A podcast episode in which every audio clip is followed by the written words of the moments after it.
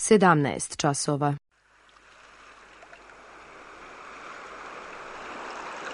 Radio Televizija Srbije.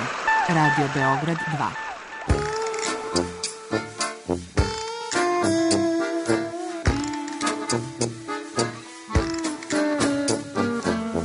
Rekli su mi, gospodine, vi ste promašili temu. Pa ja sam onda promašio život. I ne znam šta će da bude sam. Kaže, ja ne mogu više te čuvam. Šta da ti radi? Kaže, snađi se kako znaš. Mi smo kao u kafesu. Za nas to je najmrtvo. To je mrtvo za nas. Naročito. I ja bih želela neko da me usvoji. Da bih želela. Govori da bih te video. Program dokumentarnog zvuka.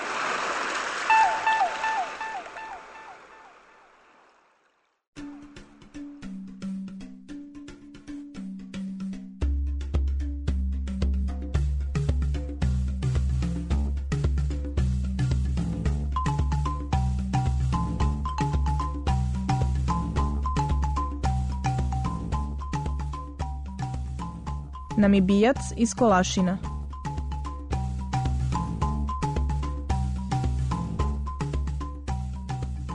Ja se zovem Vasilij Bošković i ja sam sada konzul Republike Namibije u Beogradu zadnjih 15 godina. Ja sam rođen u jednom malom mestu u Crnoj Gori, tu sam završio osnovnu školu i nepotpunu gimnaziju u Kolašinu i ja sam rođen u mestu gde je Vuk domaća životinja, uvek sam govorio o tome. To je bilo raznih anegdota, ali je najinteresantnije da sam počeo osnovnu školu neposredno posle Prvog svjetskog rata, gde su bile teške i bolne te promene u, u zemlji, a posebno i obrazovanju i svemu. Na primer, mi smo počeli u školi u Kolašinu osnovnoj da učimo veronauku, pa smo učili latinski, ali su posle nastale te promene, jer odjednom ukinuta je veronauka, pa je uveden ruski.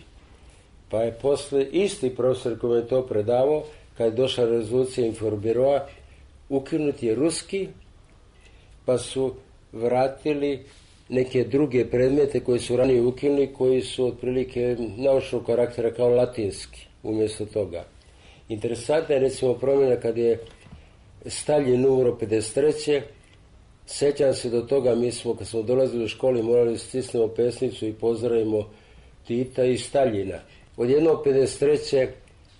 ušli smo i nisu nam dozvolili da čim neko pozdravi onako po inerciji, što kažu navike je druga priroda čoveka, dece koje je malo glupio, ono stane i pozdravi, onda, onda ga lenjirom dobije packe, onda su nas skupili i napravili su veliku logorsku vatru i morali smo da igramo neko kozaračko kolo i pevamo oj staljine, ruski sine, uzmi močku, čuvaj svinje. I onda je ostala samo Titova slika. Znači, ti su potresi bili jako burni i za desu malu, to je s jedne strane bilo teško, a s druge strane jako dobro, jer smo se na neki način prekalili, naučili smo da se snalazimo, što je vrlo važno da možemo da se podesimo prema okolini i taj posle se osjećaj modifikovao da smo većina nas iz te generacije jako uspješni svugde po svetu. U to vreme ja sam mislio da je Kolašin najlepše mjesto na svetu, šuma, Biogradsko jezero, upica se riba, neke devojčice, igramo se posle. I onda pošto mi je sestra bila udata u Užicu. U to vreme se tako rade, otišla kozeta i sestra, završim sledeća dva razreda, onda je Užice već bilo veće, privlačilo me, ali moment kad sam došao na studiju u Beograd, tada sam donao konačnu odluku, rekao sam ovo je mesto da ću ja da živim. Ja sam mislio da ću večno biti u Beogradu. Međutim, Poslije toga kad sam otišao u Pariz, rekao sam, a, ovo je još bolje. I posle mi bio i Pariz mali, pa sam otišao u Južnu Afriku, jer mi je ponuđen vrlo lukrativan posao sa ogromnim zaradama. Ja sam kao inženjer jako dobro prolazio u Parizu, svi su išli tako inostranstvo koji danas što idu.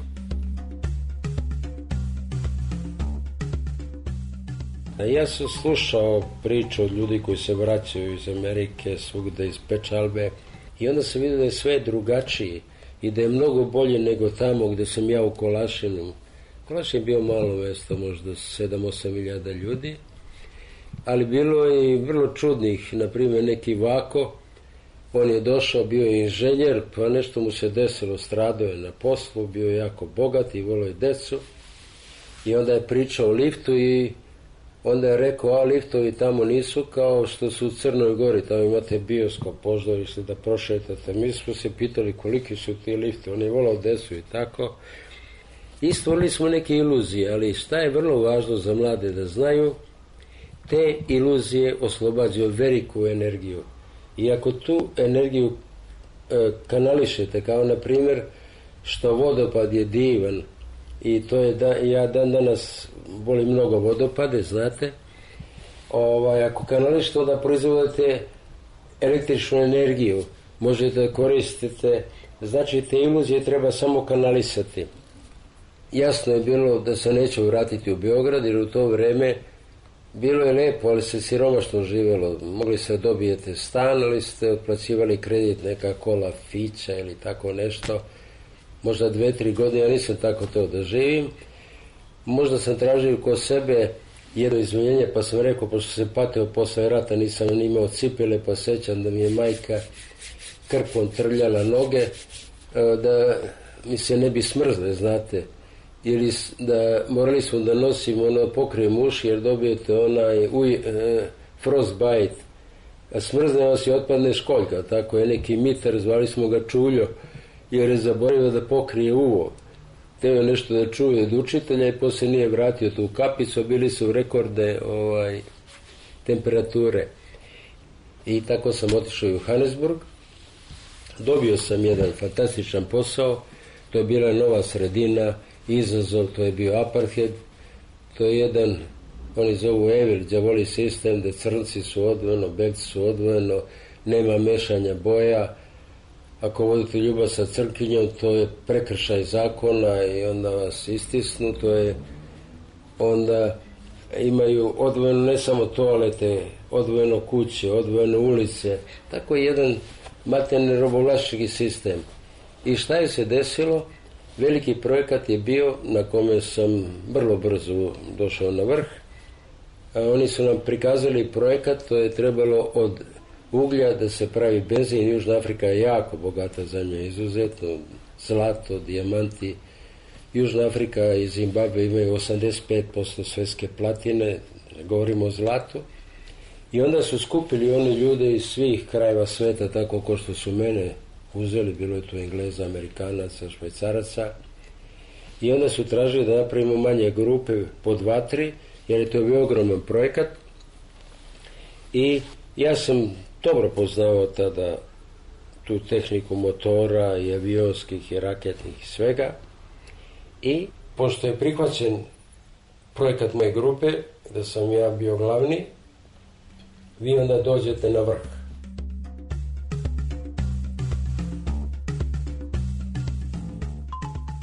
Tamo je postao jedan čovjek koji se zvao Mile Stojaković. On je nekada radio u vojnoj industriji u Nemačkoj. Tako da je napravio jedan top koji je mogao, u to vrijeme su topovi nege 70. godina po možda 18-20 km napravio top koji je gađao 43 km, zvao se e, G3, G3 i G4 preko 40.000 pre kilometara, znate. Južna Afrika mu je dala da napravi koliko god napravi, unaprijed su plaćali. I on je posle obogatio se, pošto je bio religijzan čovjek, kupio je veliki plac na luksuznom delu i njegova crkva bila Sveti Toma i on je podigao prvu pravoslavnu crkvu srpsku ili uopšte pravoslavnu na afričkom kontinentu, ortodoks, oni to kažu, religion. I pošto je on poznao mog oca, pošto je znao šta sam uradio, on je izabrao mene i ministra Pita Kurnofa i Botu da položim temelje. i ja sam položio temelje prve pravoslavne crkve na afričkom kontinentu. To mi je mnogo pomoglo u, na mojoj reputaciji.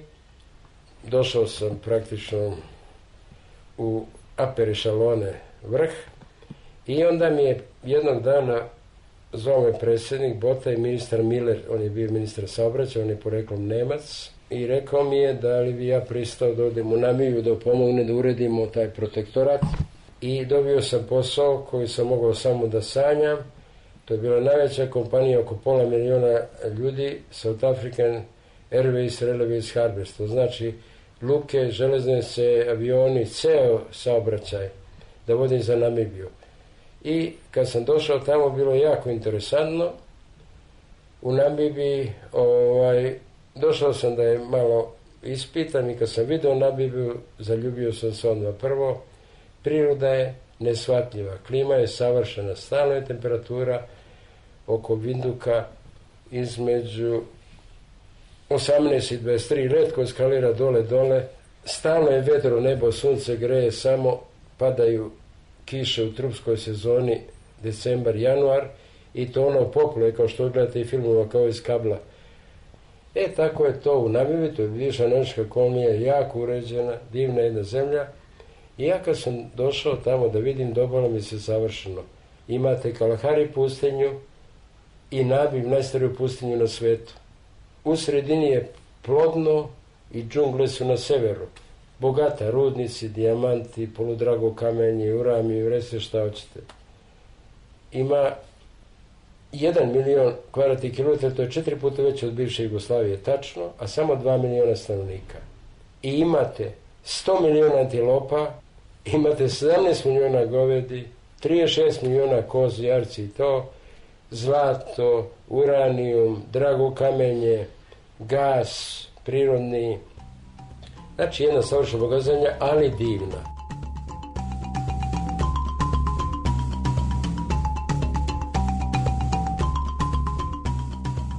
Ja sam išao posle po svetu, imao sam želju za nekim znanjem i avanturom, a isto tako kroz to malo da ovaj, dođem do nekih stvari, da li to dijamant, emerald i tako mogu finansirati svoje hobije i da stvorim na, onako bazu za budućnost.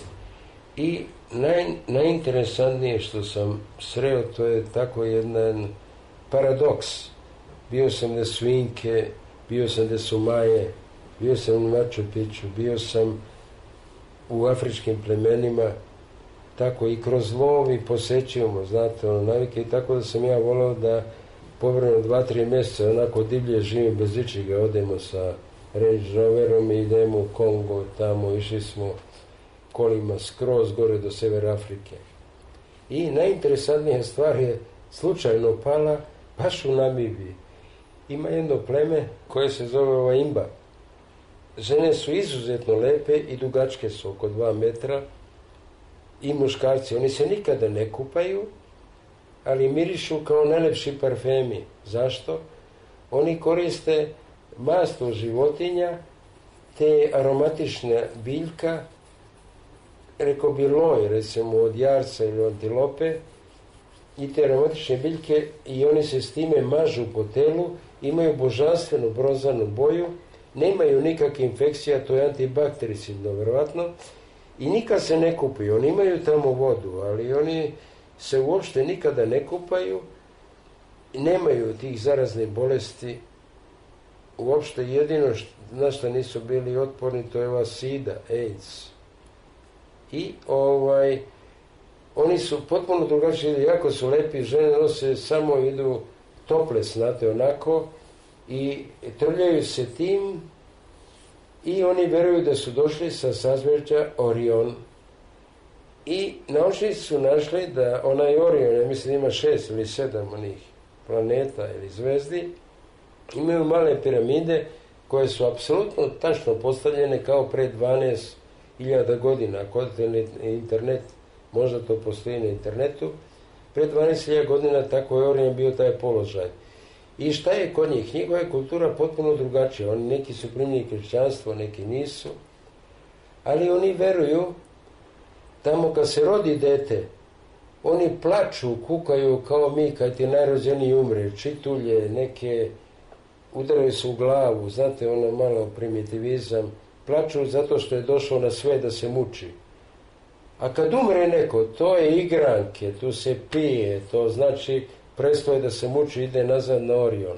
Znači, potpuno suprotno rade kao naša civilizacija. Kad se neko rodi, on mora prođe period da se muči, znate? I onda oni tuguju, mi se suprotno radimo. Kad umre, to je velika fešta, oni se, znate, ovaj, piju, igraju, bubnjevi, raduju se, jer je otišao, predstavljaju su njegove patnje na zemlji, znate. I onda je jedan francuz došao na fantastičnu ideju, to sam zaboravio da vam kažem, tamo postoji, imate navi pustinje, najstarija pustinja na svijetu i one su na vrhu pustinje. Tamo postoji ta higroskopna prašina koja je toliko mala da uopšte ne možete da vidite, samo se nakupe slojeve, znate.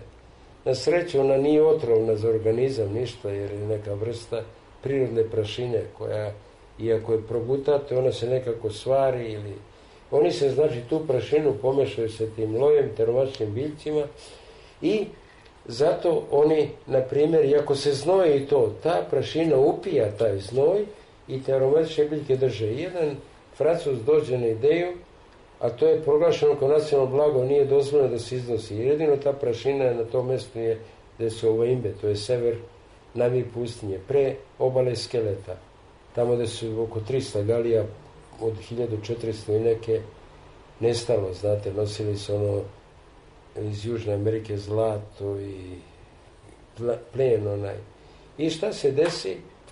On je napravio jedan mali jastuk, stavio tu higroskopnu prašinu koju upija i onda je o, njegova žena volila mačke i on je vidio da to uopšte ne smrdi nikako i da taj jastuk mačke mogu koliko će da ovaj, se isprazne, znate, da mokre. I on je došao na božanstvenu ideju i počeo da prodaje te jastuke po Evropi, u Parizu, u Americi. Posle ga osudili na zatvor, znate, ne znam koliko je ležao.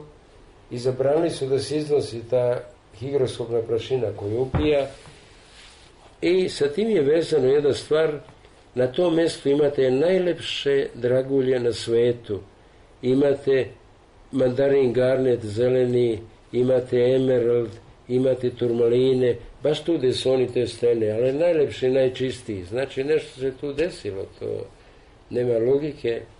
Šta se radi? Jedan šveđan je došao tu i on je kao dobrovoljno napravio jednu kliniku i školu za decu i zaljubi se u jednu teo imbe sada imate, su jako inteligentne, oni na primjer rade u banci ko menadžeri.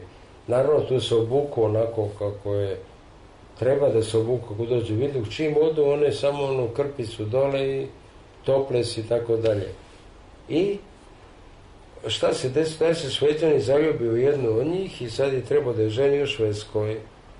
I mi smo, skupila se jedna grupa tih ljudi koji su poznati, jer on bio jako poznat, jedna divna osoba, pomagao je te organizacije, gradio neke kućice, donosio neke lekove, organizovao klinike, jedan stvarno onako filantrop, znate, mlad je bio, a mislim da mu je otac bio direktor onoga što pravi sabo na vozile i neke male podmorice što radi, bio jako bogat.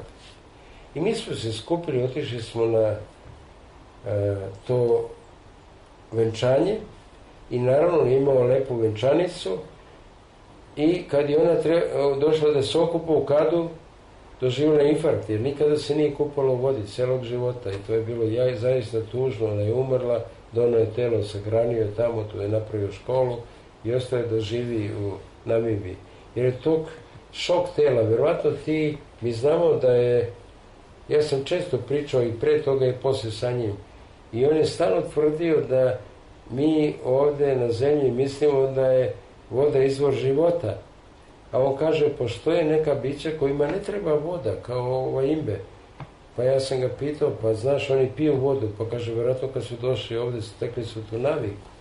Jer se nikada nisu kupali i kod njih nema, imaju, to je anti, antibakteriodno, ti, ta prašina što upija, te uh, lučenje tela, uključujući znoj i ostalo. I eto, to je tako bilo tragično sa tom divnom, ovo, mislim, Elamina, Elamon se tako nekako zvala, zaboravio sam, bila je divna, božanstvena, lepa, znate, i tako. Oni su tako, imaju struk, imaju pluća, stoje pravo, zaista su neka, kao da je druga rasa. Isto su kao ljudi, ali potpuno su drugačiji. Njih odmah prepoznate kada vidite. Nisu ni kao beli, ni kao crni, ni kao ovi kolorati mješani. Potpuno su drugačija shape i izgledi tela i svega i oni idu bosi, znate, tamo, tako su ovaj, i, i uopšte ne jedu ništa drugo, samo antilope i ovaj, i onda je taj ispričao meni taj njihov chief, znate, u pasu ga zvali Jody. Ispričao me da kod njih nema uopšte niko nije bolesan od raka. Ali u zadnje vreme, mislim, nekada, ali sada poneko ima rak. I onda mi on ispričao, zamisli jedan čovjek koji ne zna ništa, da ovaj, samo jedna životinja ne može da dobije rak koji oni jedu, a to je koza. Može dobije čovjek i pas. I to je istina, znate, jedino zašto koza ne dobije rak. Oni pričaju da su oni te doneli sa sazveđa Orion tu životinju. To je o tim ovaj, imbama, tako je interesantno, imaju divno, oni, oni su uglavnom stenovito i te stene kod njih su nekako drugačijeg oblika. Sve su nekako kružno i tako da može da se tuda ide i bos i ne može da vas ubode i tako dalje.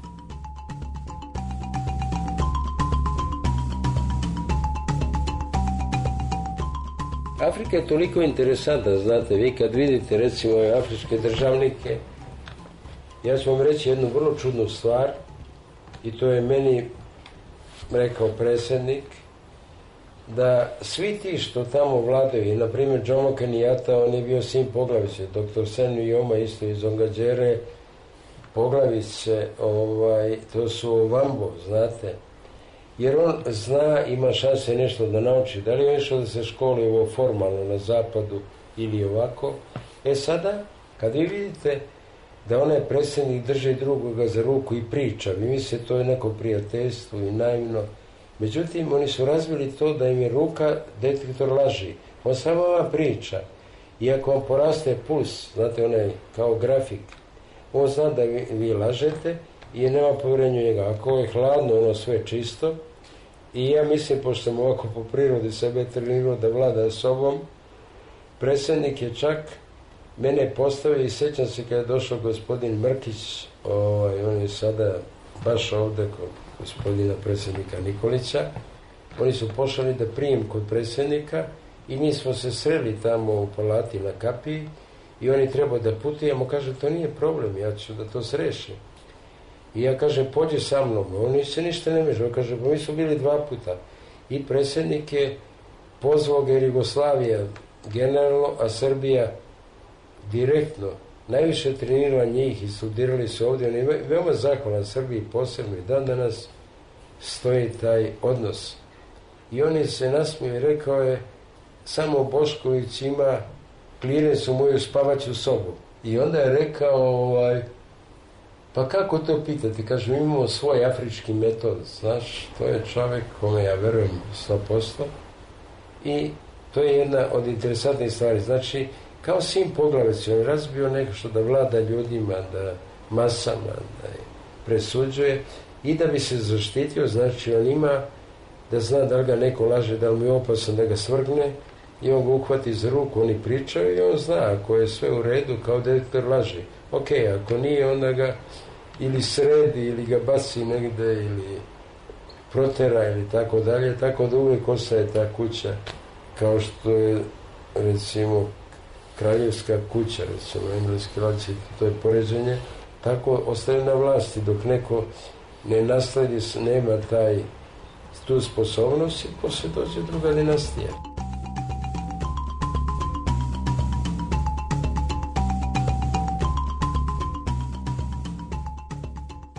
Ljudi imaju taj kompleks i strah od zmije i u Crnoj Gori ima jedna zmija koja zove poskok, ja znam ona kad vas ujede, to je veliki problem. to je isto tamo oko Kolašina, oko Biogradskog jezera. U Africi to je crnci se toliko plaše tih zmija da uopšte nemaju nikakvu kontrolu na sobom. Možda je to neki primitivizam i šta ja ne znam. I egipski ambasador u Minuku, pošto sam ja imao sa njim specijalne odnose, dolazi su inženjeri, arhitekte za naše projekte iz Egipta i zbog tih razgovora i tako on meni donese egipatsku kobru napunjenu i ovaj, sa onim znakom pozati ta što je ujela Kleopatru, znate. Ja sam to mnogo voleo i odlučio se da to donesem u Grodsku, tamo što sam kupio od Dorke Duđerski letnikovac i odjednom je crnac poslušavio, došao kod moje žene, rekao je, ne, madam, kad on donese tu zmiju, tu će sve zmije da navalje, to je kralj zmija, doće zmija koja je tamo kralj, napadaće ljude. I ja moje ženi kaže, a moja žena kao svi ti umetnici su sujeverni, kaže da su gluposti, ona, nećeš ti to. I ja sam to prošvrcovao, donao sam u Beograd. Prvi dan sam stavio na jedan vidikovac što gleda na Dunav i video se ta, tamo imam ruže, to je jako lepo, i video sam ruže i sam mrdevi. Sada profesionalna deformacija. Ja vidim veliki orak tu što ima, liče se ne mrda. Znači neka je životinja tu, ja sam mislio da je zec i nešto. I uzeo sam ono što sam skupljao lišće tamo od one vinove loze što je na tom vidikovcu mom, jedno ovako dugačko, 20 metara sa možda 10. I odjednom je, ja sam stavio tu kobru na taj sto, gdje smo pili piće i onda kao, eto, to je pričamo. Moja žena je bila šokirana, bila je jako ljuta, otišla je pa se vratila valjda da vidi šta će biti. Ja sam sišao da su ruže i odjednom je ogroman smuk. Napao me ja, pošto sam lovac i tako hladan, ja sam s onim što sam kupio lišće i onda mi je čak ta žena koja se uplašila bacila tu metalnu grablju ja sam ubio tu zmiju. Ona je bila skoro 4 metra. I sad sam ja njima rekao, žena je rekla, vidiš šta je on rekao, doće kraljica zmija, tu, ovo, ono, a ljudi su pričali tamo suski putevi da su vidjeli zmiju koja je rep na jednoj strani puta, glava na drugoj strani, to je pukovnik Rodić i neki Jova Stanković tamo što je bio. I na kraju, vjerojatno je to bila ta velika zmija, nikada nisu vidjeli toliko. Ja stavim preko ograde, a ta legenda govori da taj kralj zmija uvek će da nestane. I mislim, mi smo bili sigurni da je mrtva, slomili smo je kičmu kod glave i tako i mi smo mislili da je damo negde, da te prirodnjaci ili zološki vrt ili neko uživa. Međutim, zmija je nestala zaista volšebno. E, volšebno.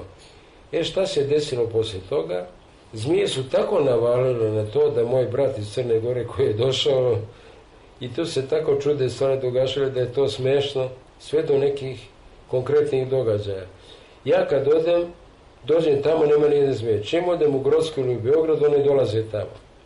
Sad je ispalo to nešto, ta vudu, magija, muti i tako dalje, ali niko od moje familije nije hteo tamo da dolazi. Znate kakvi su naši ovde, oni su pričali da sam ja tu dovukao zmije, da mi ne bi dolazili rođaci, da mi smetaju. Znate, to, to je tako, to je jedan isto advokat Crnogora spustio priču, tako.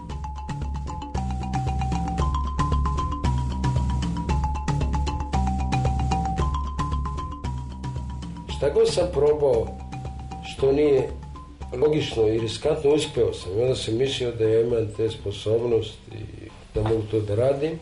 I tako sam krenuo u svet, a onda kad postavim nešto, što sam još više, još više, ali ima taj avanturizam kad ti se gradi adrenalin, kad uraš nešto izuzetno, kad se igra sa opašnošću. E, život se promenio kad sam dobio ova dva blizanca. Onda sam počeo drugačije. Međutim, kumulirao sam dosta i znanja i pozicije i novca i prijateljstva šta mogu da radim. Jer sam onda dobio tu odgovornost koju ranije nisam imao. Baš me briga da ću šta gubim. Opet se na svom. A kad sam vidio te dva mala treba da podigne, da postane nešto, da ne bude, onda sam počeo zdravo da balansiram.